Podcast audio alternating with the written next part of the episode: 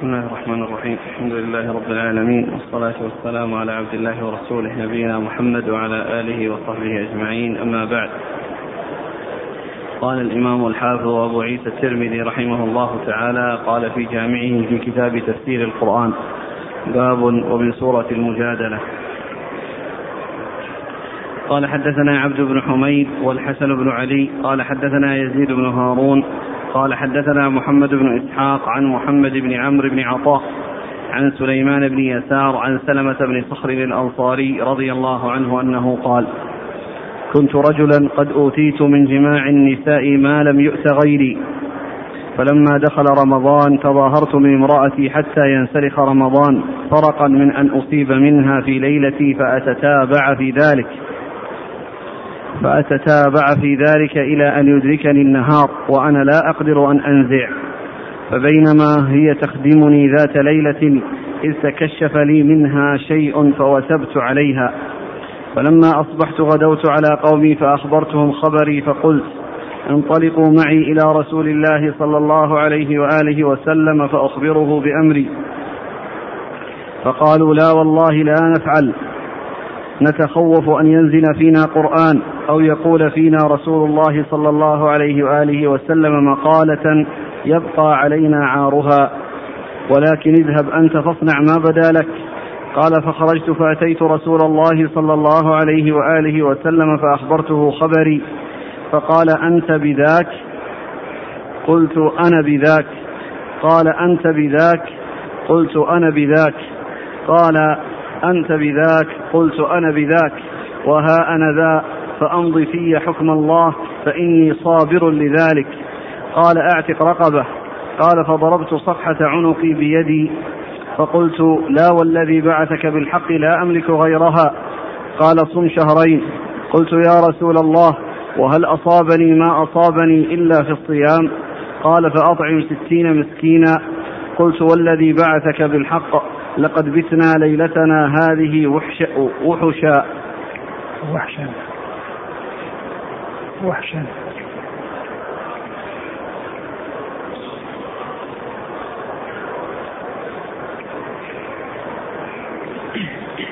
قلت والذي بعثك بالحق لقد بتنا ليلتنا هذه وحشا. ما لنا عشاء.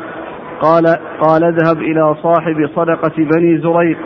فقل له فليدفعها إليك فأطعم عنك منها وسقا ستين مسكينا ثم استعن بسائره عليك وعلى عيالك. قال فرجعت إلى قومي فقلت وجدت عندكم الضيق وسوء الرأي ووجدت عند رسول الله صلى الله عليه وسلم السعة والبركة. أمر لي بصدقتكم فادفعوها إلي فدفعوها إلي. قال أبو عيسى هذا حديث حسن. قال محمد سليمان بن يسار لم يسمع عندي من سلمة بن صخر. قال ويقال سلمة بن صخر وسليمان بن صخر. قال وفي الباب عن خولة بنت ثعلبة وهي امرأة أوس بن الصامت رضي الله عنهما. بسم الله الرحمن الرحيم. الحمد لله رب العالمين وصلى الله وسلم وبارك على نبينا ورسوله نبينا محمد وعلى آله وأصحابه أجمعين.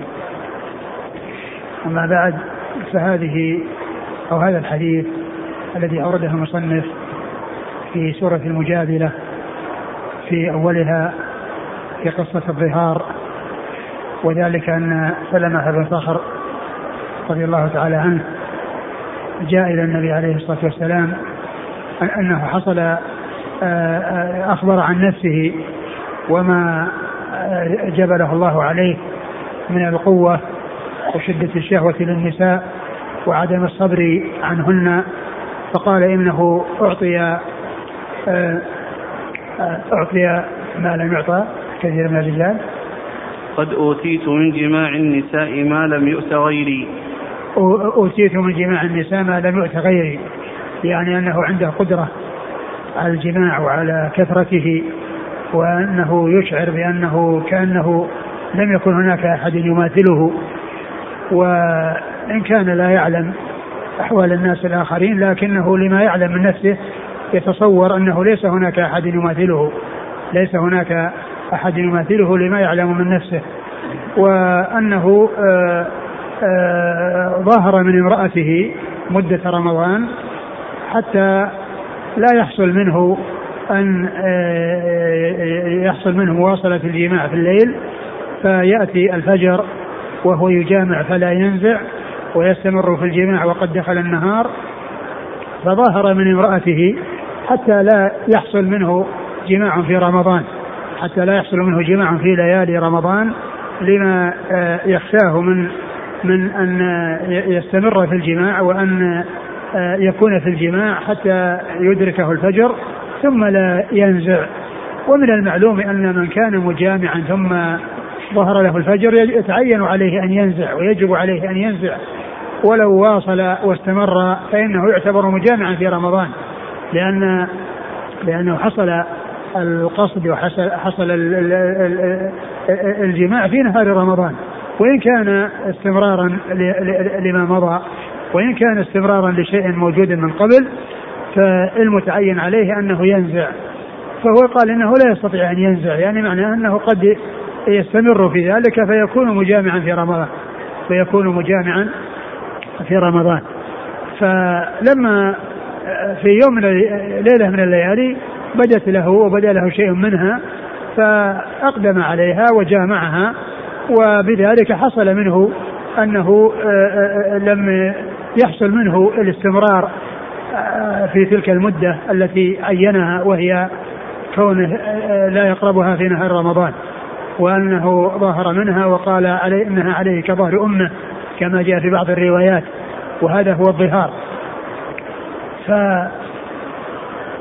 فبدا له شيء منها دع يعني دفعه إلى إلى جماعها فجاء إلى قومه بعدما وقع ما وقع له فطلب منهم أن يذهبوا معه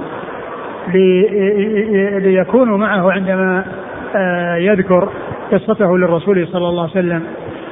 فقومه آه، آه، استعظموا ذلك وقالوا لا نذهب بل أنت اصنع ما بدا لك نخشى أن ينزل فينا شيء وأن يكون أن يقول فينا رسول الله صلى الله عليه وسلم مقالة تكون عارا علينا وضررا بنا. فذهب إليه فتركهم وذهب إلى الرسول صلى الله عليه وسلم. والرسول عليه الصلاة والسلام آه لما قال له ما أخبر ما حصل له قال أنت بذاك يعني أنت ألممت بذاك يعني استعظاما لهذا الأمر وأنه قد حصل منك هذا الشيء. فقال نعم ثم عادها عليه مرة ثم مرة حتى قالها له ثلاث مرات. ثم قال نعم وأنا ها أنا ها أنا بين يديك واصنع ما واصنع ما بدا لك أو أصنع ما ما شئت. يعني آه، أمضي في ما شئت من حكم فأنا الآن بين يديك. فالرسول صلى الله عليه وسلم أخبره بكفاره كفارة الظهار وهي التي جاءت في القرآن. قال أتجد رقبا تعتقها؟ عتق رقبة؟ قال وضرب على صفحة عنقه وقال لا أملك آه، إلا هذه الرقبة. يعني ما عنده إلا رقبته. ليس عنده آه، مماليك وليس عنده قدرة على شراء العبيد ليعتقهم أو للعتق. لا يملك رقيقا ولا يستطيع أن يشتري رقيقا ليعتقه. ثم قال صوم شهرين متتابعين. قال وهل الذي حصل لي إلا من الصيام؟ يعني آه كل ذلك بسبب الصيام. ومع ذلك شهرا واحدا ما استطاع أن يصبر وقد حصلت منه المظاهرة حصل منه الظهار. فقال أطعم فرقا ستين مسكينا. يعني فرقا ستين مسكينا. يعني أطعم ستين مسكينا فرقا. والفرق آه، هو يعني ما يعني ما, يسع ستين ستين صاعا. ومعنى ذلك أنه يكون لكل مسكين صاع. لكنه جاء عند الترمذي في آه، يعني في رواية عنه يعني قد مضت أنه أنه يعني عرق. والعرق هو المكت الذي يصل 15 15 صاعا الذي يصل 15 فيكون لكل واحد مد. فيكون لكل واحد مد. ف آه، آه، فجاءت الروايات عن عند الترمذي بلفظ الفرق وبلفظ الوسق. لفظ الوسق وبلفظ آه، آه، وبلفظ الفرق. ورواية الفرق أرجح من رواية الوسق. لأن الوسق ستون صاعا ومعنى ذلك أن كل مسكين يطعم ستين آه، يطعم صاعا كاملا. وهذا يعني لا يعرف في الكفارات. لا يعرف الكفارات دفع الصاع وإنما الذي يدفع أقل من ذلك. ف آه، قال له إننا إنهم قد باتوا إنه ليس عندهم شيء وقد باتوا وحدا. يعني ما عندهم طعام يأكلونه وأهله لأنهم فقراء. فالرسول صلى الله عليه وسلم آه، قال له اذهب إلى يعني آه، المسؤول عن صدقات بني زريق و اطلب منه أو قل له يعطيك الزكاة من قومه. فادفع منها يعني ما يكفي لستين, لستين مسكينا والباقي أنفقه على نفسك وعلى عيالك. والباقي فذهب إليهم إلى قومه وهم بني وهم بني زريق فقال لهم وجدت عندكم الضيق والعنة والمشقة وجدت عند رسول الله صلى الله عليه وسلم الرحمة والبركة أمر لي بصدقتكم فادفعوها إلي. أمر لي بصدقتكم فادفعوها إلي. هذا هو حديث سلمة بن صخر رضي الله عنه في قصة آه، مظاهرته لامرأته لزوجته في ليالي رمضان لأنه آه، خشي أن يعني يحصل منه شيء يجعله يجامع في النهار وأن يسترسل في جماعة فلا ينزع فيكون بذلك مجامعا في نهار رمضان. ف الرسول صلى الله عليه وسلم أمر أمره بإعتاق رقبة وإن لم يجد يصوم شهرين متتابعين وإن لم يجد يطعم ستين مسكينا. وهذا هو الذي جاء في سورة المجادلة من أحكام الظهار أو كفارة الظهار. التي ذكرها الله عز وجل في كتابه العزيز وهي عتق رقبة فإن لم يجد يصوم شهرين متتابعين وإن لم يستطع فإنه آه، يطعم ستين مسكينا. آه، أقرأ الحديث من أوله.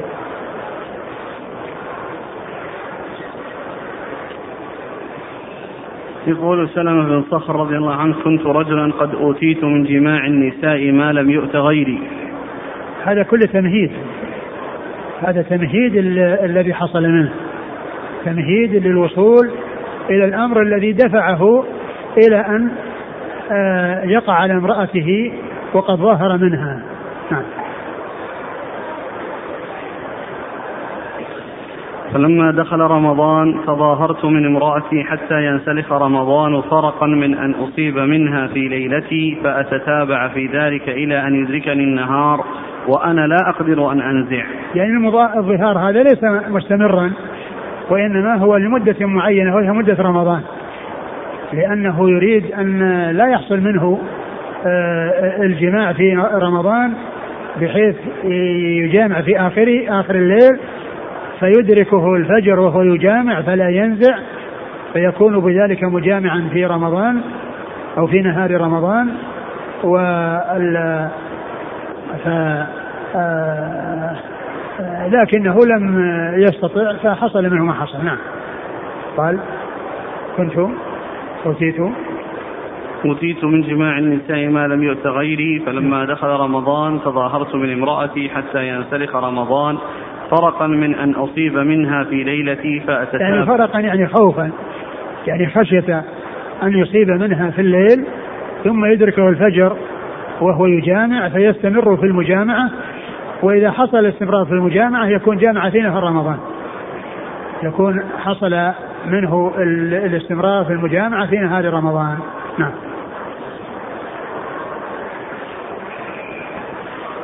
فرقا من أن أصيب وهذا يختلف عن الشرب لأن الشرب جاء فيه ما يدل على أن الإنسان إذا كان يشرب الماء وقد وضعه على يده يشربه بدأ بدأ بالشرب فإنه يكمل الشرب لأنه جاء في ذلك حديث عن رسول الله صلى الله عليه وسلم.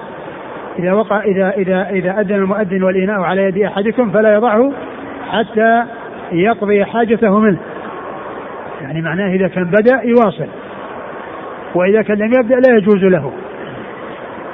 والجماع يختلف عن هذا لأن هذا جاء شيء يدل عليه وذاك جاء ما جاء شيء يدل عليه. ثم أيضا الأمر فيه خطير لأنه ليس بالأمر الهين في في كفارة في كفارة مثل كفارة الظهار. لأن كفارة الجماع في رمضان مثل كفارة الظهار.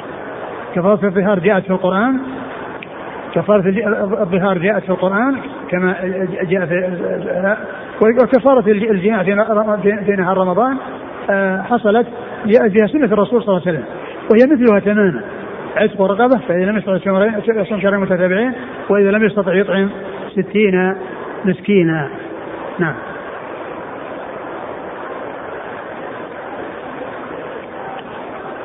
فرقا من أن أصيب منها في ليلتي فأتتابع في ذلك إلى أن يدركني النهار وأنا لا أقدر أن أنزع. نعم. فبينما هي تخدمني ذات ليلة إذ تكشف لي منها شيء فوثبت عليها. وثب عليها يعني وقع عليها يجامعها. فلما أصبحت غدوت على قومي فأخبرتهم خبري فقلت انطلقوا معي إلى رسول الله صلى الله عليه وآله وسلم فأخبره بأمري. فقالوا لا والله لا نفعل. نتخوف أن ينزل فينا قرآن أو يقول فينا رسول الله صلى الله عليه وسلم مقالة يبقى علينا عارها. ولكن اذهب أنت فاصنع ما بدا لك. قال فخرجت فأتيت رسول الله صلى الله عليه وآله وسلم فأخبرته خبري. فقال أنت بذاك؟ قلت أنا بذاك. قال أنت بذاك؟ قلت أنا بذاك. قال أنت بذاك؟ قلت أنا بذاك. يعني وه... كرر هذا ثلاث مرات استعظاما للأمر وتحققا لحصول آه، ما حصل يعني لمعرفة ما حصل له وأنه قد وقع منه ذلك وأنه تحقق ذلك وكذلك استعظاما لهذا الأمر وأن هذا أمر خطير وأنه ليس للإنسان أن يظاهر والمظاهرة يعني الظهار غير جائز. وهو منكر من القول وزور كما قال الله عز وجل في كتابه العزيز. نعم. وها أنا فأمضي في حكم الله فإني صابر لذلك. وهذا يدلنا على ما كان عليه أصحاب الرسول صلى الله عليه وسلم إذا حصل منهم شيء فإنهم يرجعون إلى الرسول عليه الصلاة والسلام لمعرفة الحكم الشرعي وكون الواحد منهم يكون عنده الاستعداد التام لأن ينفذ فيه ما يقضي به الشرع في حقه عندما يحصل منه مخالفة وأن لأن في ذلك تطهير مما حصل له وكفارة لذلك الشيء الذي يحصل منه. وهذا يدلنا على ما كان عليه أصحاب الرسول صلى الله عليه وسلم من الحرص على معرفة الأحكام الشرعية وعلى الاستسلام والانقياد لما جاء عن الله وعن رسوله صلى الله عليه وسلم وأنهم يريدون إذا وقعوا في شيء يعني فيه خطأ أنهم يتخلصون من مغبة ذلك وذلك بما يبينه لهم الرسول عليه الصلاة والسلام إما أن يكون حدا يحدون به أو كفارة يكفرون بها ويحصل بذلك السلامة من الورطة التي وقعوا فيها. نعم.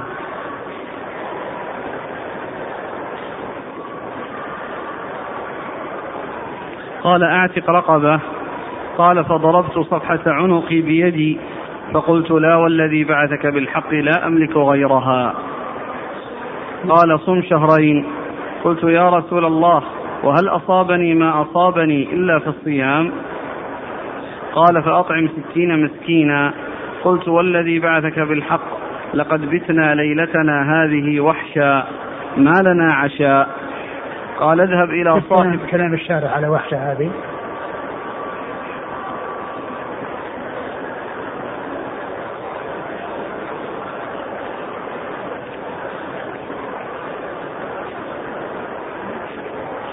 قال في القاموس بات وحشا أي جائعا.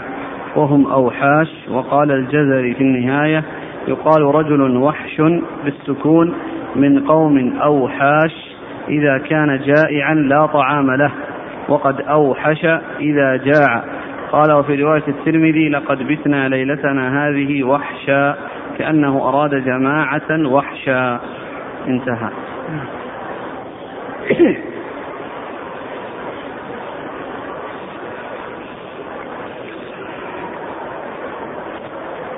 قال اذهب إلى صاحب صدقة بني زريق فقل له فليدفعها إليك فأطعم عنك منها وسقا ستين مسكينا ثم استعن بسائره عليك وعلى عيالك.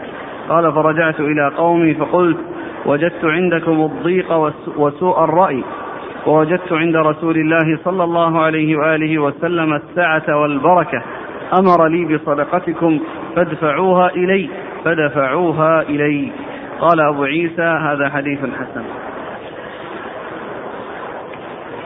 آه، آه، هنا ذكر ذكر الوسق هنا أو الوسق وهو ستون صاعا وقد مر أو جاء عند الترمذي في آه، الرواية الأخرى أنه عرق وهو المكتل الذي يسع خمسة عشر صاعا.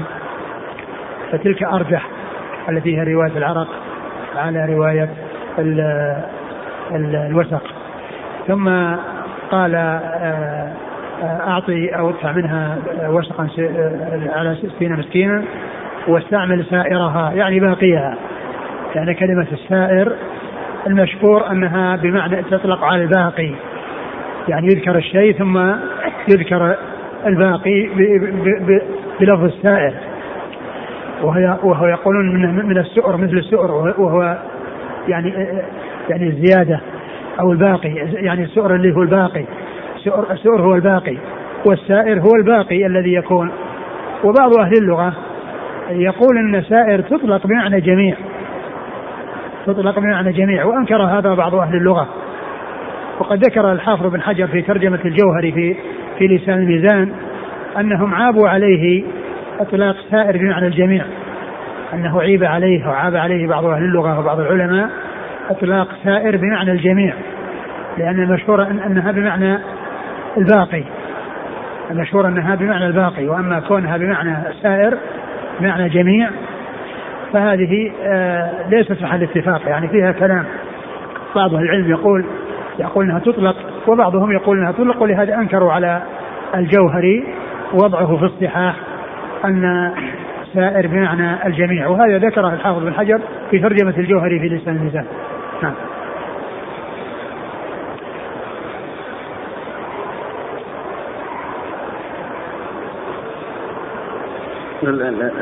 الحدث أو القصة أليس فيها تشابه في من جامع في نهار رمضان؟ آه هي لا شك ان أن ان المشابهة واضحة لكن القصة هي في الظهار. لأن الرجل ما جامع في رمضان ولكنه خشي أن يجامع في الليل ويتنادى به الجماع فيدخل يطلع عليه الفجر وهو يجامع ولا يستطيع أن ينزع. يعني استمراره أن يزعه يعني يعني يشق عليه. فيكون بذلك مجامعا في رمضان. والقصة لا شك إن كفارة الظهار هي كفارة الجماع. كفارة الظهار هي كفارة الجماع ويقال آه، فيها من حيث الحكم ما قيل في كفارة الظهار من ناحية أن أنها مرتبة هذا الترتيب العتق ثم الصيام ثم الإطعام. لا من حيث جواب الصحابي للنبي صلى الله عليه وسلم لما قال له عليك كذا وكذا فكان جواب الصحابي الذي جامع في نهار رمضان كذلك قال لا أستطيع. نعم نعم يعني في نعم لا شك فيه مشابه أقول فيه يعني آه، نعم. يعني الذي آه، كونه ما استطاع أن يصبر شهر فكيف يصبر شهرين متتابعين؟ نعم. هذا متشابه هذا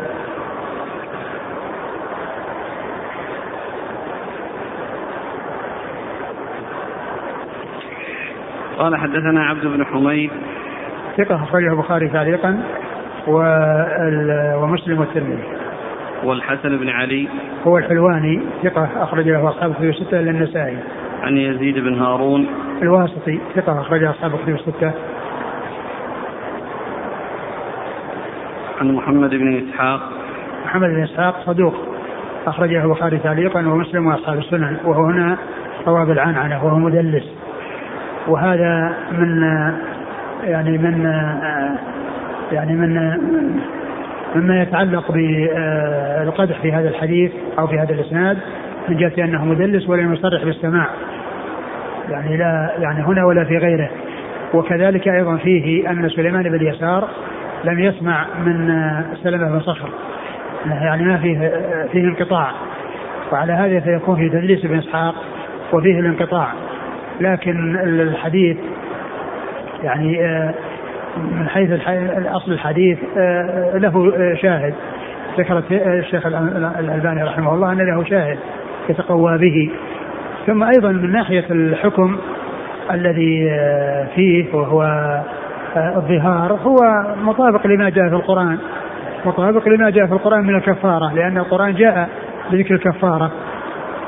وإنما الذي يعتبر يعني زائد عن ما جاء في القرآن هو القصة. وما حصل فيها وإلا فإن الحكم الذي هو الكفارة موجودة في القرآن وهي كفارة الظهار. نعم. عن بعد إسحاق بعد ابن إسحاق. بعد ابن إسحاق. محمد بن عمرو بن عطاء. وهو ثقة. قال أصحاب الكتب. نعم. عن سليمان بن يسار. سليمان بن يسار هو ثقة وهو أحد فقهاء المدينة السبعة في عصر التابعين. أحد فقهاء المدينة السبعة في عصر التابعين. سليمان بن يسار. وهو ثقة أخرج له أصحاب الكتب. والفقهاء والفقهاء السبعة الذين هم في عصر التابعين كلهم أخرج لهم أصحاب الكتب الستة. كلهم ثقات. فقهاء أخرج لهم أصحاب الكتب الستة. وهذا أحدهم اللي هو سليمان بن يسار. وهم عبيد الله بن عبد الله بن عثمان مسعود وسليمان بن يسار وقاسم محمد بن أبي بكر الصديق وسعيد بن المسيب وعروة بن الزبير بن العوام وخارجة بن زيد آه، بن ثابت والسابع آه، سعيد بن سيد ذكرناه السابع فيه ثلاث اقوال ها؟ نعم السابع اللي فيه خلاف. السابع اللي فيه الأقوال الثلاثة. قيل أبو بكر بن عبد الرحمن بن حارث بن هشام وقيل سالم بن عبد الله بن عمر بن الخطاب وقيل أبو سلمة بن عبد الرحمن بن عوف. ستة متفق على عدهم في الفقهاء السبعة. والسابع فيه أقوال ثلاثة. منهم من جعل السابع أبو بكر بن عبد الرحمن بن حارث بن هشام. ومنهم من جعل السابع أبو سلمة بن عبد الرحمن بن عوف. ومنهم من جعل السابع سالم بن عبد الله بن عمر بن الخطاب. وهؤلاء آه، آه، السبعة آه، على أن السابع منهم أبو بكر بن عبد الرحمن ذكر ابن القيم في أول كتابه إعلام الموقعين لما ذكر الفقهاء في الأمصار لما جاء عند المدينة وذكر الفقهاء من الصحابة ثم الفقهاء من التابعين ذكر أن في المدينة الفقهاء السبعة في عصر التابعين. وذكرهم وذكر البيت بيت من الشعر يحتويهم ويشملهم والسابع منهم أبو بكر بن عبد الرحمن. فقال, فقال أو أو ذكر في كتابه هذين البيتين فقال إذا قيل من في العلم سبعة أبحر روايتهم ليست عن العلم خارجة فقل هم عبيد الله عروة قاسم سعيد أبو بكر سليمان خارجة. في البيت الثاني هذا يشمل هؤلاء. والفقهاء السبعة هذا لقب إذا ذكر يغني عن سرد أسمائهم. يغني عن سرد أسمائهم. ولهذا يأتي في بعض المسائل الفقهية عندما يكون الفقهاء السبعة كلهم متفقين على القول بها يكتفون بأن يقول وقال بها الفقهاء السبعة. بدل ما يقول فلان وفلان وفلان وفلان ويسرد سبعة أسماء يأتي بكلمتين وهي الفقهاء السبعة فتغني عن سرد أسمائهم. وهذا مثل ما ذكروا في زكاة العروض. فإن زكاة العروض قال بها الفقهاء السبعة. قال بها الفقهاء السبعة. يعني يقولون بأن العروض تزكى. نعم. سليمان بن يسار عن صخر سليمان بن صخر رضي الله عنه أخرج له أبو داود. والترمذي وابن ماجه نعم.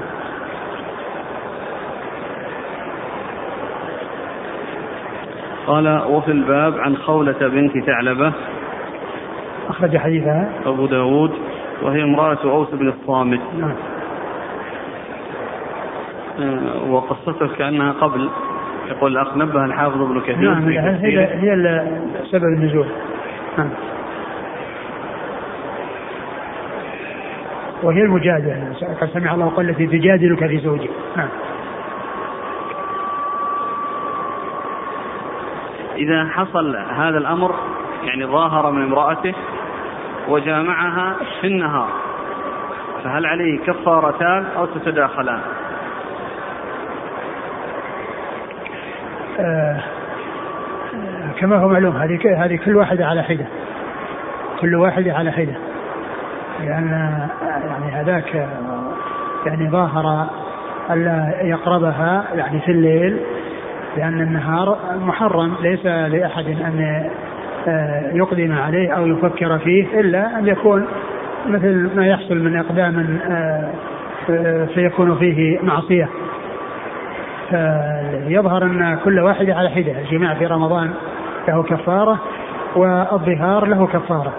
لكن إذا كان الظهار يعني مقيدا أو يعني محددا فإنه يكون على ما قيد به. يعني الذي ظهر في ليالي رمضان معناه إذا خرج رمضان معناه انتهى. وهذا في قول جمهور العلماء أنه يعني إذا انتهى الوقت الذي ظهر فيه إذا كان مؤقتا فإنه ينتهي.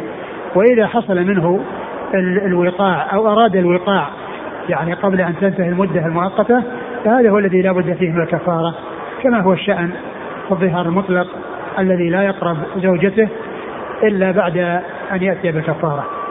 فالجماع في رمضان هذا له كفارة تخصه. والظهار إذا حصل منه الوقاع في الليل إذا حصل منه الوقاع في الليل فإنه آه، يكون عليه كفارة. هل الظهار خاص فقط بقول أنت علي كظهر أمي أم يدخل في ذلك كل المحارم التي تحرم عليه لا ما ليس خاصا بأمه لكن الأم لأن لأنها هي أعظم المحرمات أو أعظم المحارم.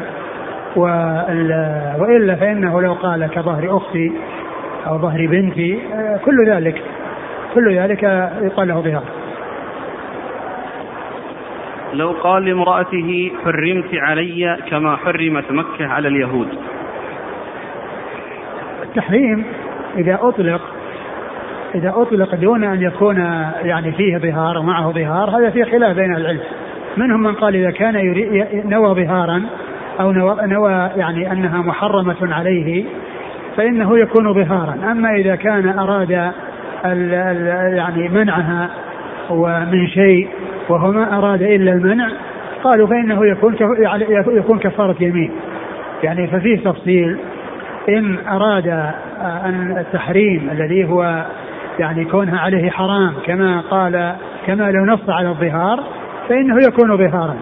وإن لم يرد ذلك وإنما أراد المنع والكف وما نوى تحريما وما نوى ظهارا فهذا يقولون إنه من قبيل آه، الذي تكفره اليمين مثل ما جاء في سورة التحريم. آه، لا تحرم ما أحل الله لك تبتغي مرضات أزواجك. ثم بعد قال قد فرض الله لكم تحله إيمانكم نعم هل المرأة عليها الكفارة كذلك؟ الظهار المرأة ما عليها كفارة الظهار الكلام في الجماع في رمضان هو الذي يكون عليها كفارة إذا طاوعت أما إذا أكرهت وغلبت على أمرها فإنه ليس عليها كفارة يعني لا يلزمها كفارة. إذا جامع أثناء قيامه بالكفارة. إذا جامع أثناء قيامه بالكفارة. يعني هل تعاد الكفارة عليه من جديد أو لا تعاد؟ هو الذي جاء من قبل أن يتناسى. يعني أن الكفارة تكون قبل المسيس.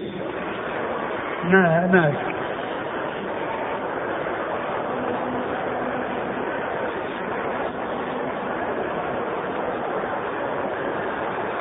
هذا أثناء الكفارة حتى لو نعم حتى لو لو جامع لو حصل منه الجماع قبل يعني أن يكفر لو حصل منه الجماع قبل أن يكفر طبعا لا يجوز له إلا بعد إلا بعد الكفارة.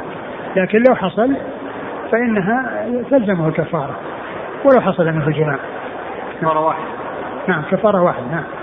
لانها لأنه ظاهر ووقع يعني حصل منه مثل ما حصل لهذا لهذا الذي وقع على امرأته في في رمضان. نعم والرسول قال له أعتق رقبة. هذا يعني وقع مرة واحدة لكن هذا كف هذا أعاد يعني ظاهر امرأته فجامع ثم قبل أن يكفر جامع مرة ثانية. أو في أثناء أثناء الكفارة وهو يصوم شهرين متتابعين في أحد ليالي هذه الأيام جامع. نعم. يقول السائل أشكل علي في الحديث وهل أصابني ما أصابني إلا في الصيام؟ وقد جاء في الحديث الصحيح حتى النبي صلى الله عليه وسلم لمن لم يستطع النكاح بالصوم لأنه يضعف الشهوة. نعم هو هو هو أخبر عن نفسه أن كثير الجماع والآن الزوجة عنده وهو ما استطاع أن يعني يعني, يعني المدة التي حددها وهي مدة شهر ألزم نفسه بها. وعمل الظهار هذا أو أتى بالظهار الذي يريد أن يكف نفسه وأن يمنع نفسه ما استطاع أنه يصبر. فإذا كان ما استطاع أنه يصبر شهر فلا فلا يستطيع فلا يصبر شهرين متتابعين. هذا عنده عنده زوجة. ما هو من ذاك الذي الذي الذي ما عنده زوجة ومأمور بالصيام. مأمور بالصيام. هذه عنده زوجة لكن عنده قدرة ما يستطيع أن يصبر عن عن, عن زوجته. ما يستطيع أن يصبر عن زوجته. وذاك الصيام لمن لم يجد لم يجد ما شيء يقضي به وطره. من استطاع منكم الباءة فليتزوج. فإنه غض البصر وأحسن الفرج ومن لم يستطع فعليه بالصوم فإنه له وجه.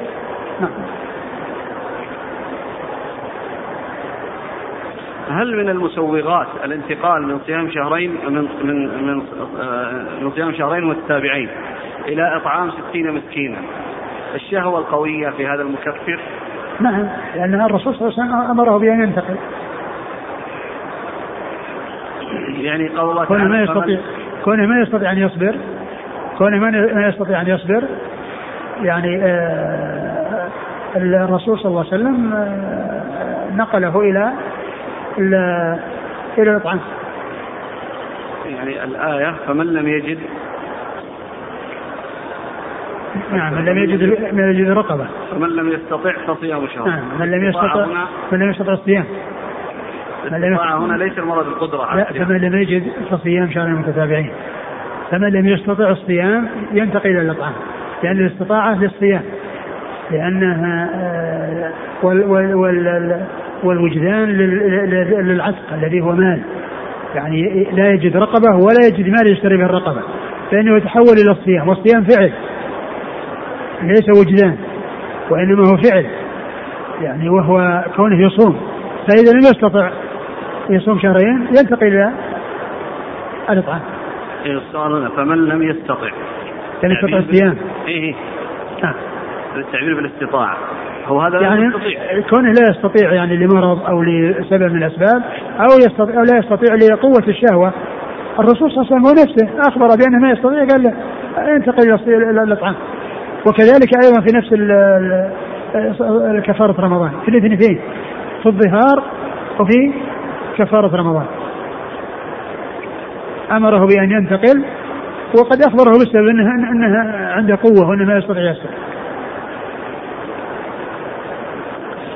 جاء في الرواية الأخرى أنه صلى الله عليه وسلم أعطاه عرقا وقال عرق نعم. عرقا. نعم مش فرقا عرقا. نعم. وقال كله وأطعمه أهلك. وليس فيه كما هنا أطعم ستين مسكينا ثم كل الباقي فكيف الجمع؟ إيش؟ نفس الحديث؟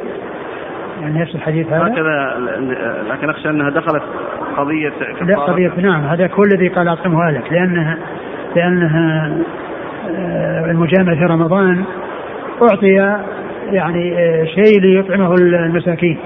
فقال على افقر مني يا رسول الله؟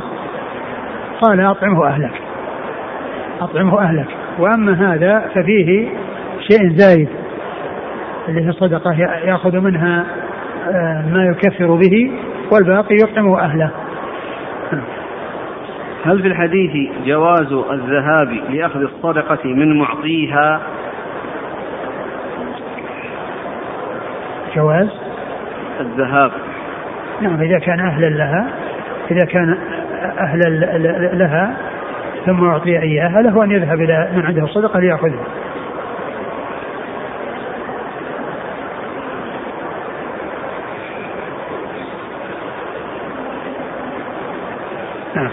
قال حدثنا سفيان بن وكيع قال حدثنا يحيى بن آدم قال حدثنا عبيد الله الأشجعي عن الثوري عن عثمان بن المغيرة الثقفي عن سالم بن أبي الجعد عن علي بن علقمة الأنماري عن علي بن أبي طالب رضي الله عنه قال لما نزلت يا أيها الذين آمنوا إذا ناجيتم الرسول فقدموا بين يدي نجواكم صدقة. قال لي النبي صلى الله عليه وسلم ما ترى دينارا؟ قال لا يطيقونه. قال فنصف دينار؟ قلت لا يطيقونه. قال فكم؟ قلت شعيرة. قال إنك لزهيد. قال فنزلت. أشفقتم أن تقدموا بين يدي نجواكم صدقات؟ الآية. قال فبي خفف الله عن هذه الأمة. قال هذا حديث حسن غريب إنما نعرفه من هذا الوجه. ومعنى قوله شعيرة يعني وزن شعيرة من ذهب. وأبو الجعد اسمه رافع. ثم ذكر أبو عيسى هذا الحديث عن علي رضي الله عنه أمير المؤمنين وهو يتعلق بقول الله عز وجل يا أيها الذين الرسول فقدموا بين يدي نجاكم صدقة. وجاء إلى النبي صلى الله عليه وسلم فقال فقال له قال له لما نزلت يا الذين آمنوا قال لي النبي صلى الله عليه وسلم ما ترى. قال لي ما ترى. يعني في مقدار المقدار الذي آه، يتصدق به ويقدم بين يدي النجوى وبين يدي مخاطبة الرسول صلى الله عليه وسلم وسؤاله دينار قال لا يطيقونه قال آه، نصف دينار. قال لا يطيقونه قال قال ماذا؟ قال شعيرة. نعم. قال إنك لزهيد. يعني أنك يعني آه، حددت أو اقترحت شيئا يسيرا جدا وهو شعيرة يعني وزن شعيرة من الذهب. مقدور من ذلك؟ شعيرة يعني مقدار شعيرة من الذهب مثل مقدار النواة مقدار النواة يعني من الذهب مقدار شعيرة من الذهب. ف فقال علي رضي الله عنه بي خفف الله عز وجل على هذه الأمة ثم بعد ذلك نسخ. والحديث في إسناده سفيان بن وكيع وفي إسناده علي بن علقمة وعلي بن علقمة مقبول وذاك الذي هو سفيان آه، آه، صدوق آه، أدخل فيه وراقة ما ليس منه فنصح ولم ينتصح فترك. فالحديث في إسناده هذا الضعف من الجهتين من جهة سفيان بن وكيع ومن جهة علي بن علقمة. نعم. قال حدثنا سفيان بن وكيع نعم. عن يحيى بن آدم أخرج له. الترمذي وابن ماجه. نعم. عن يحيى بن آدم يحيى بن آدم الكوفي ثقة أخرج أصحابه في الستة. عن عبيد الله الأشجعي. هو عبيد الله بن عبيد الرحمن الأشجعي وهو ثقة أخرج أصحاب الكتب إلا أبا داود. نعم. عن الثوري. هو سفيان بن سعيد الثوري ثقة أخرج أصحابه في الستة. عن عثمان بن المغيرة الثقفي. هو؟ ثقة أخرج البخاري وأصحاب السنن. نعم. عن سالم بن أبي الجعد. وهو؟ ثقة أخرج أصحاب الكتب. نعم. عن علي بن علقمة الأنماري. وهو مقبول أخرج له. الترمذي والنسائي. نعم. عن علي بن أبي طالب. أمير المؤمنين ورابع الخلفاء الراشدين هذه المهديين صاحب المناقب الجمة والفضائل الكثيرة وحديثه عند أصحاب الكتب الستة. يقول السائل ألا يكون في المتن نكارة؟ بحيث أحال التحديد للصحابي. يقول ما ترى دينار نصف دينار. هو هو يعني مشهورة. يعني أقول مشهورة في المقدار لأن هذا شيء صدقة بين بين يدي الرسول صلى الله عليه وسلم عند مناجاته. فقضية يعني كونه يعني شيء يخص الرسول وصدقة مطلقة وغير مقيدة تطلق على الكثير والقليل والمقصود الحد الأدنى الذي يمكن أن إذا قدم حصل به المقصود يعني يبدو أنها ما في إشكال بس الإشكال من ناحية الإسناد.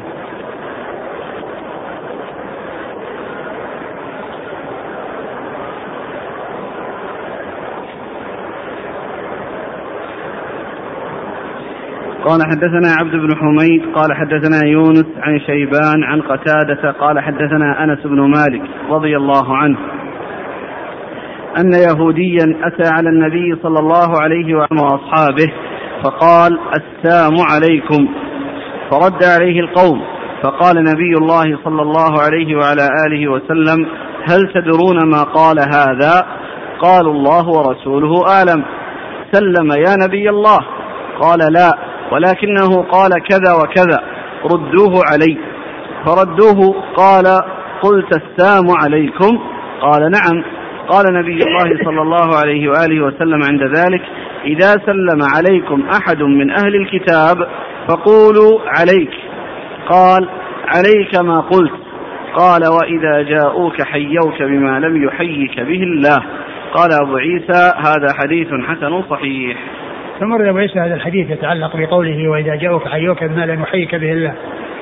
وذلك أن اليهود كانوا إذا جاءوا للنبي صلى الله عليه وسلم آه، يسلمون عليه لا يأتون بتحية الإسلام وبلفظ السلام وإنما يأتون بكلمة مقاربة هي كلمة ذم وكلمة سوء والسام هو الموت. يعني السام عليك الموت عليك.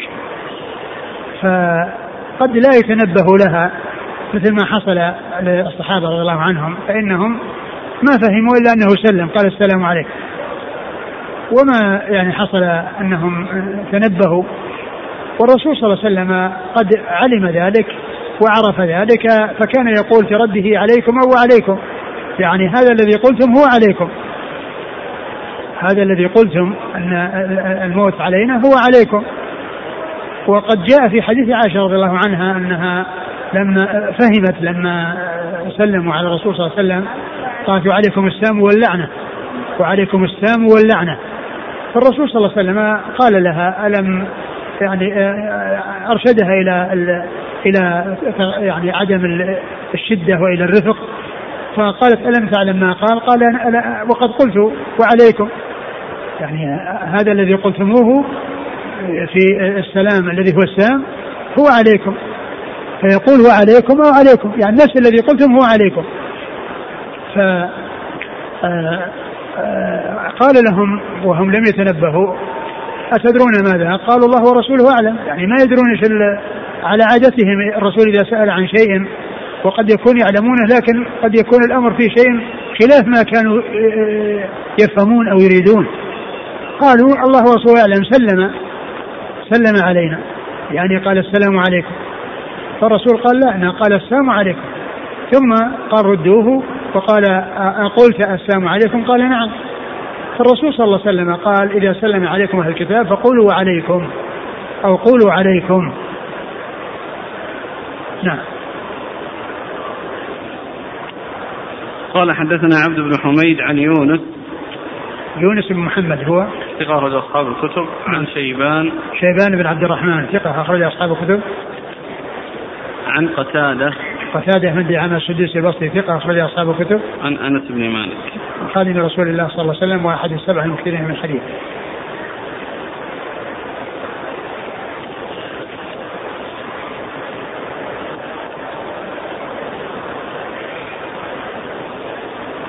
هل يكون هذا محمول على أن الإنسان إذا شك في اللفظ أو لم يتبين له؟ أما إذا استظهر أنه قال السلام باللام فإنه حينئذ نعم يجيبه. إذا قال السلام عليه يجيبه يرد عليه. يعني وإذا حييتم بتحية فحيوا بأحسن منها أو ردوها إذا السام وعليك هذه؟ وعليك خاصة في ذكر السام إذا قال السلام عليكم السلام عليكم يقال وعليكم يعني وعليكم السلام. أو شكيت ما ما ما ما ظهر لي وش قال ما أدري قالوا السلام ولا السام؟ والله إذا, إذا كان إذا كان هو طبعا لا يقال لا يقال لكن إذا قال وعليكم يعني وعليكم يكون حصل المقصود سواء كان سلاما أو ساما. سلاما أو ساما. لكن إذا كان إن, إن هذا من أناس معروفين مثل اليهود الذين معروفين بالحقد ومعروفين بالسوء. فإذا قال يقول وعليكم فيكون سواء كان سلاما أو سلاما. نعم.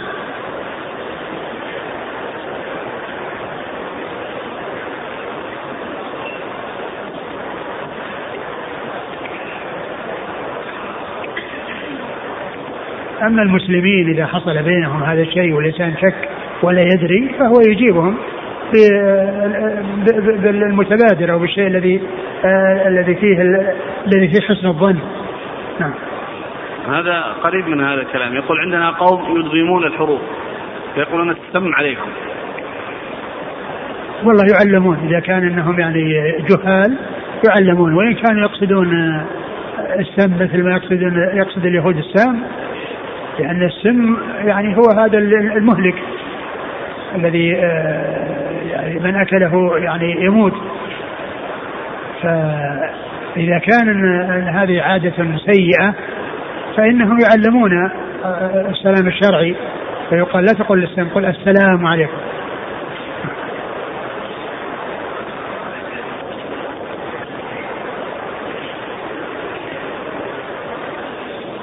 قال رحمه الله تعالى باب ومن سورة الحشر.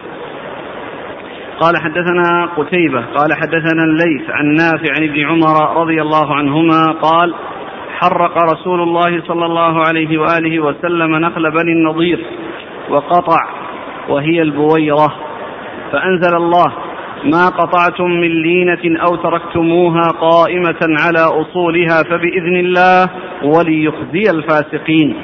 قال أبو عيسى هذا حديث حسن صحيح. نعم. قال حدثنا الحسن بن محمد الزعفراني قال حدثنا عفان بن مسلم قال حدثنا حفص بن غياث قال حدثنا حبيب بن أبي عمرة.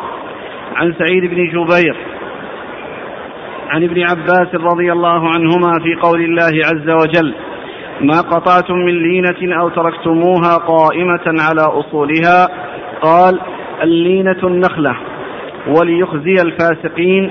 قال استنزلوهم من حصونهم. قال وأم وأمروا بقطع النخل.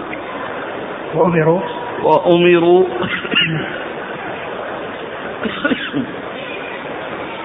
وأمروا بقطع النخل فحك في صدورهم. فقال المسلمون قد قطعنا بعضا وتركنا بعضا فلنسألن رسول الله صلى الله عليه وآله وسلم هل لنا فيما قطعنا من أجر وهل علينا فيما تركنا من وزر؟ فأنزل الله تعالى ما قطعتم من لينة أو تركتموها قائمة على أصولها. الآية. قال أبو عيسى هذا حديث حسن غريب. وروى بعضهم هذا الحديث عن حفص بن غياث عن حبيب بن أبي عمرة عن سعيد بن جبير مرسلا لم يذكر فيه عن ابن عباس. قال حدثني بذلك عبد الله بن عبد الرحمن قال حدثنا هارون بن معاوية. عدل وروى؟ وروى بعضهم هذا الحديث عن حفص بن غياث عن حبيب بن أبي عمرة عن سعيد بن جبير مرسلا في النسخ الأخرى في النسخ الأخرى بدل وروى وذكر وذكر بعضهم هذا الحديث وذكر بعضهم هذا الحديث عن حفص بن غياث نعم. عن حبيب بن أبي عمرة عن سعيد بن جبير مرسلا نعم. ولم يذكر فيه عن ابن عباس نعم. حدثني بذلك عبد الله بن عبد الرحمن قال حدثنا هارون بن معاوية عن حفص بن غياث عندكم مروان بن معاوية وهو هارون بن معاوية نعم عن عن حبيب بن أبي عمرة عن سعيد بن جبير عن النبي صلى الله عليه وسلم مرسلا. انتهى؟ نعم. بعد ويؤثرون على أنفسهم. حديث الأنصار. نعم. نعم ثم بعد ذلك ذكر الترمذي رحمه الله ما يتعلق بسورة بسورة الحشر وذكر الحديثين المتعلقين ببني النضير وقتالهم وإجلائهم وأن الرسول صلى الله عليه وسلم يعني آه، انه أنه حصل التحريق والقطع بأمر الرسول صلى الله عليه وسلم آه، وان وأنه حك وقع في نفوس الصحابة من أجل ان أن هذا هذا التحريق وهذا القطع إنما هو إضاعة للأموال وهي تكون مغانم غنيمة لهم يعني يغنمونها من من, اليهود. ف ف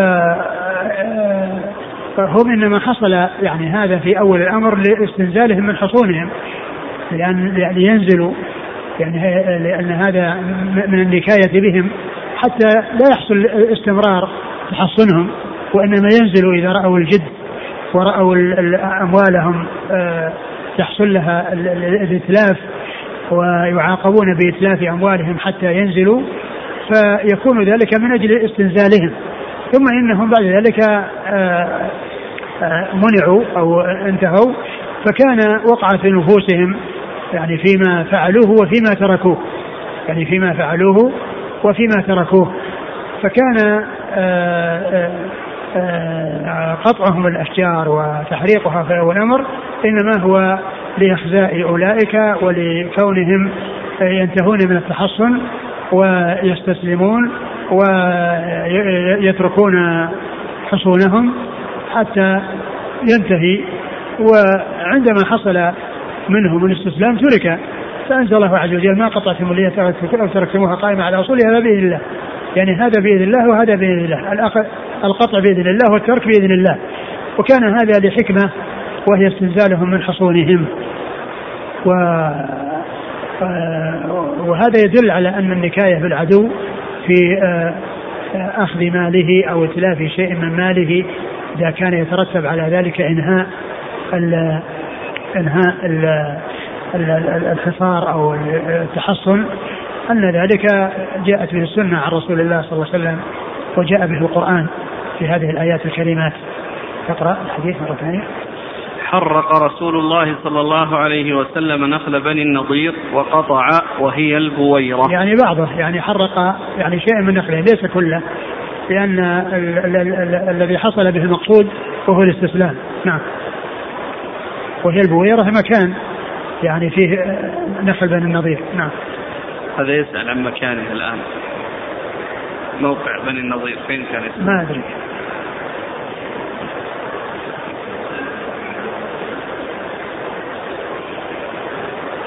فأنزل الله ما قطعتم من لينة أو تركتموها قائمة على أصولها فبإذن الله وليخزي الفاسقين نعم.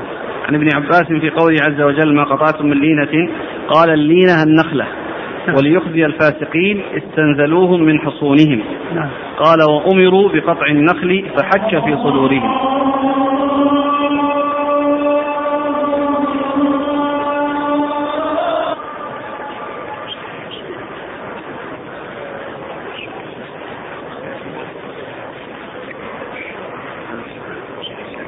حديث ابن عباس. يقول اللينة النخلة وليخزي الفاسقين استنزلوهم من حصونهم وأمروا بقطع النخل فحك في صدورهم فقال المسلمون قد قطعنا بعضا وتركنا بعضا فلنسألن يعني حك في صدورهم يعني صدور المسلمين. تألموا يعني يعني ترددوا في قضية إتلاف المال وكذا لأنه يكون غنيمة. إذا بقي يكون غنيمة لهم وهو يضيع عليهم. ف حك في نفوسهم فقال المسلمون لنسألن قد قطعنا بعضا وتركنا بعضا. نعم. فلنسألن رسول الله صلى الله عليه وسلم هل لنا فيما قطعنا من أجر؟ وهل علينا فيما تركنا من وزر؟ فأنزل الله نعم، تعالى نعم يعني هل لهم فيما قطعوا من أجر؟ لأنهم امتثلوا الأمر الذي أمروا به. وهل عليهم من وزر فيما تركوه؟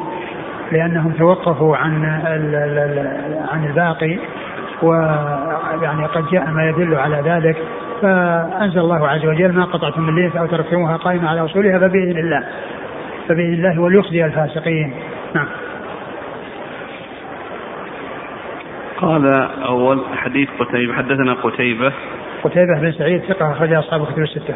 عن الليث بن سعد المصري ثقة أخرج أصحاب الكتب الستة. عن نافع نافع مولى بن عمر ثقة أخرج أصحاب الكتب الستة. عن ابن عمر عن ابن عمر رضي الله عنهما وهذا رباعي من أعلى الأسانيد عند الترمذي. نعم. قال حدثنا الحسن بن محمد الزعفراني هو ثقة أخرج له البخاري أصحاب السنن نعم. عن عفان بن مسلم الصفار وهو ثقة أخرج أصحاب الكتب الستة. عن حفص بن غياث وهو ثقة أخرج أصحاب الكتب. نعم. عن حبيب بن أبي عمرة. وهو؟ أخرج له أصحاب الكتب إلا أبا داود ففي الناسخ والمنسوخ هو ثقة؟ نعم. نعم. عن سعيد بن جبير. نعم ثقة أخرج أصحاب الكتب الستة. ابن عباس. رضي الله عنه. نعم اللي بعده. قال حدثني بذلك عبد الله بن عبد الرحمن. هو الدارمي. ثقة أخرج أصحاب آه، أصحاب الكتب. آه، أصحاب مسلم. و؟ أبو داود والترمذي. نعم. عن هارون بن معاوية. هارون معاوية هو؟ صدوق رواه الترمذي. نعم.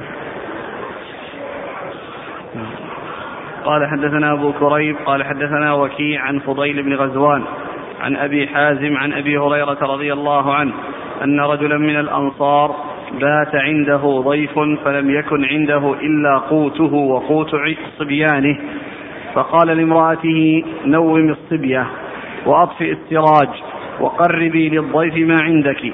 فنزلت هذه الآية ويؤثرون على أنفسهم ولو كان بهم خصاصة. قال هذا حديث حسن صحيح.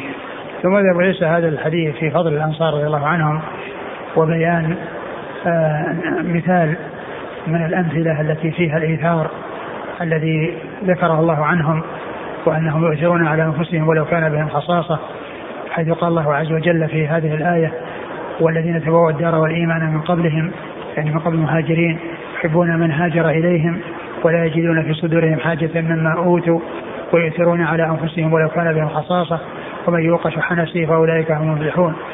وهم اشتهروا بالإيثار.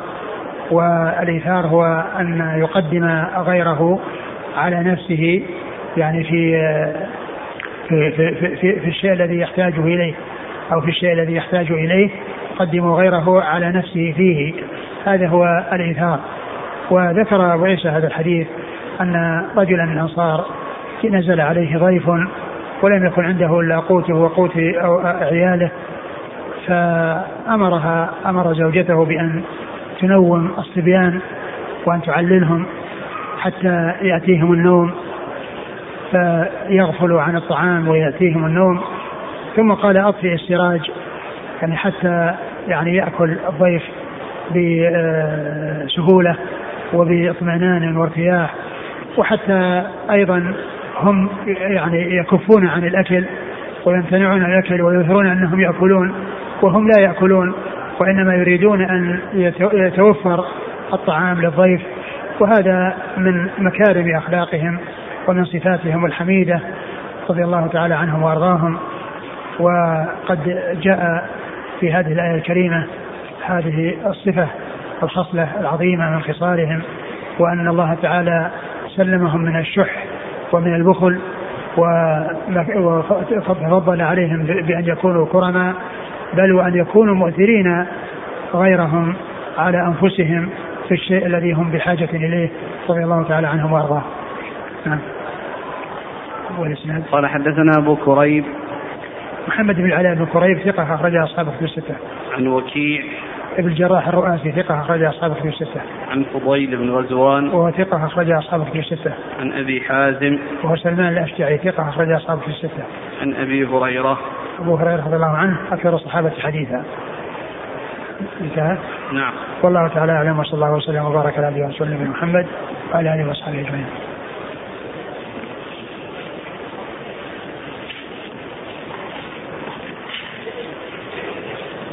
جزاكم الله خيرا وبارك الله فيكم. ألهمكم الله الصواب ووفقكم للحق ونفعنا الله بما سمعنا وغفر الله لنا ولكم وللمسلمين أجمعين. آمين. يقول الأخ فائدة قال النووي ويحمل فعل الأنصاري في تنويم عياله على أنه أعطاهم كفايتهم من القوت قبل وإلا إذا لم يكن كذلك فقد تعين عليه نفقتهم. فدل هذا على ما تقدم. نعم قد يكون كذلك وقد يكون وقد يكون الأمر آه، آه، هو لا شك أن كونهم آه، في شيء لا يجعلهم يتضررون ويحصل لهم الضرر لا شك في في كلام في كلام النووي. لكن قد يحصل من أن الإنسان الجاعي إذا نام يعني يتغير حاله وبعد الاستيقاظ من النوم قد يأتي رزق وقد يأتي شيء أو قد يذهب ويأتي لهم بشيء فالذي قاله النووي له وجه ولكن لا يلزم أن يكون آه، أنهم قد آه، أكلوا من قبل وشبعوا. هنا أسئلة عن الإيثار في القرب. لا يؤثر الإنسان في القرب. الإنسان إذا كان في الصف الأول لا يتخلف ويقدم أحد مكانه وإنما الإيثار في أمور الدنيا. وأما في أمور الآخرة فالذي ينبغي التنافس ولهذا الرسول صلى الله عليه وسلم قال لو يعلم الناس ما في الندى والصف الأول ثم لم يجدوا إلا أن يستهموا عليه لاستهموا عليه. يعني ما يصل بينهم إلى القرعة كل واحد ما يتنازل عن صاحبه. يعني يقول أنا الذي سبقت. فالقرب لا يؤثر بها وإنما ينافس بها ويتسابق فيها ويتنافس فيها وإنما الإيثار في أمور الدنيا وفي متاع الدنيا ليس في زاد الآخرة في زاد الدنيا وليس في زاد الآخرة آه. يقول هل في الحديث دلالة على جواز تقديم الطعام للضيف من قبل المرأة إذا أمنت الفتنة؟ معلوم أن أن أن أن هذا يعني قضية ال ال أنه قبل ذلك كان الحجاب غير مفروض وبعد ذلك فرض فيمكن أن يكون هذا يعني قبل الحجاب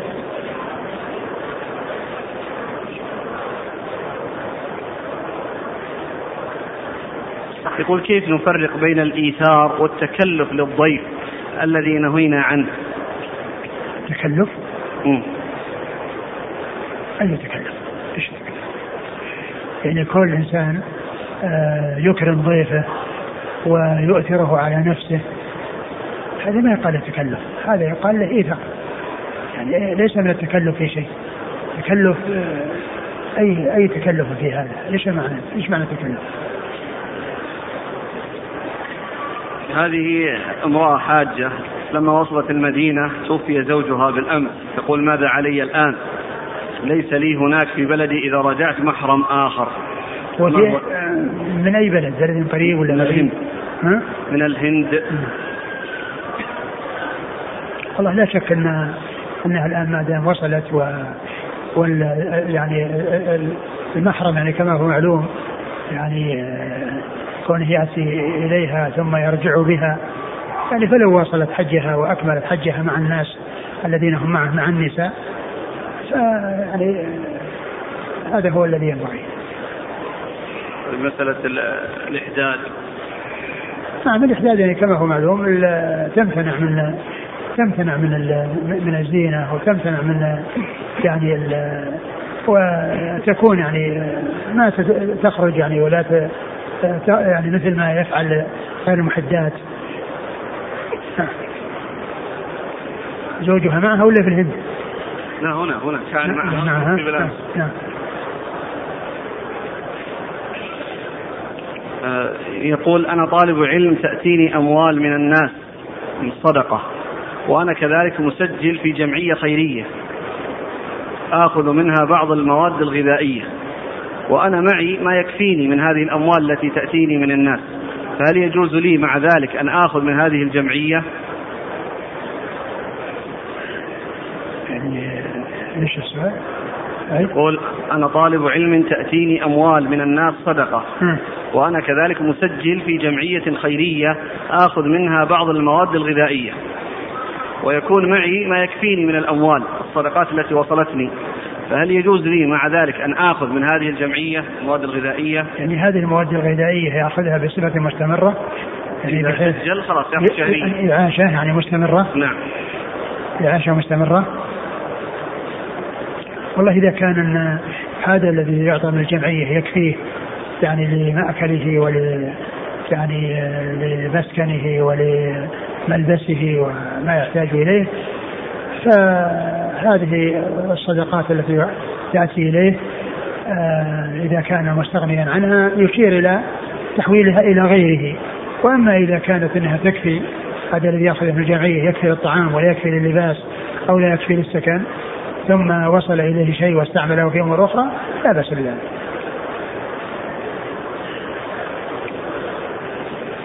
يقول هل تجوز قيادة السيارة بدون رخصة